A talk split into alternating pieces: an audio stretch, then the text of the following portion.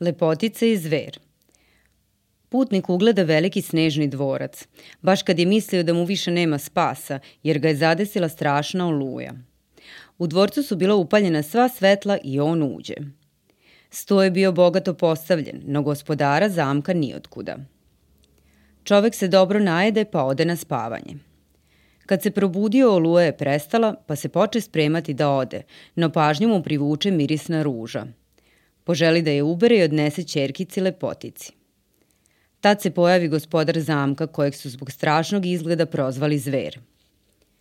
Zar ti nisam već dosta toga dao? Zašto si mi pokušao ukrasti cvet? Ljutito upita gosta. Za kaznu ćeš mi poslati svoju čerku ili ću te ubiti. Lepotica se pomiri sa svojim sudbirom pa pođe u dvorac. Kad stiže, niko je ne dočeka, iako je se stalno činilo da je neko krišom posmatra. Zver se pojavi kasnije. Što je vreme više odmicalo, njih dvoje su se sve više navikavali jedno na drugo, pa su počeli i zajedno večerati, iako je lepoticu i dalje bilo strah. No zver je bio jako ljubazan i dobar prema njoj, pa je devojka počela otkrivati njegove dobre strane, pamet i dobrotu.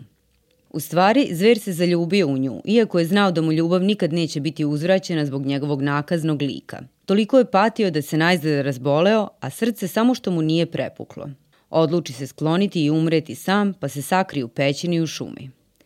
No lepotica ga pođe tražiti, plačući od tuge jer joj je zver onako plemeniti dobar postao drag. Nađe ga u poslednji čas.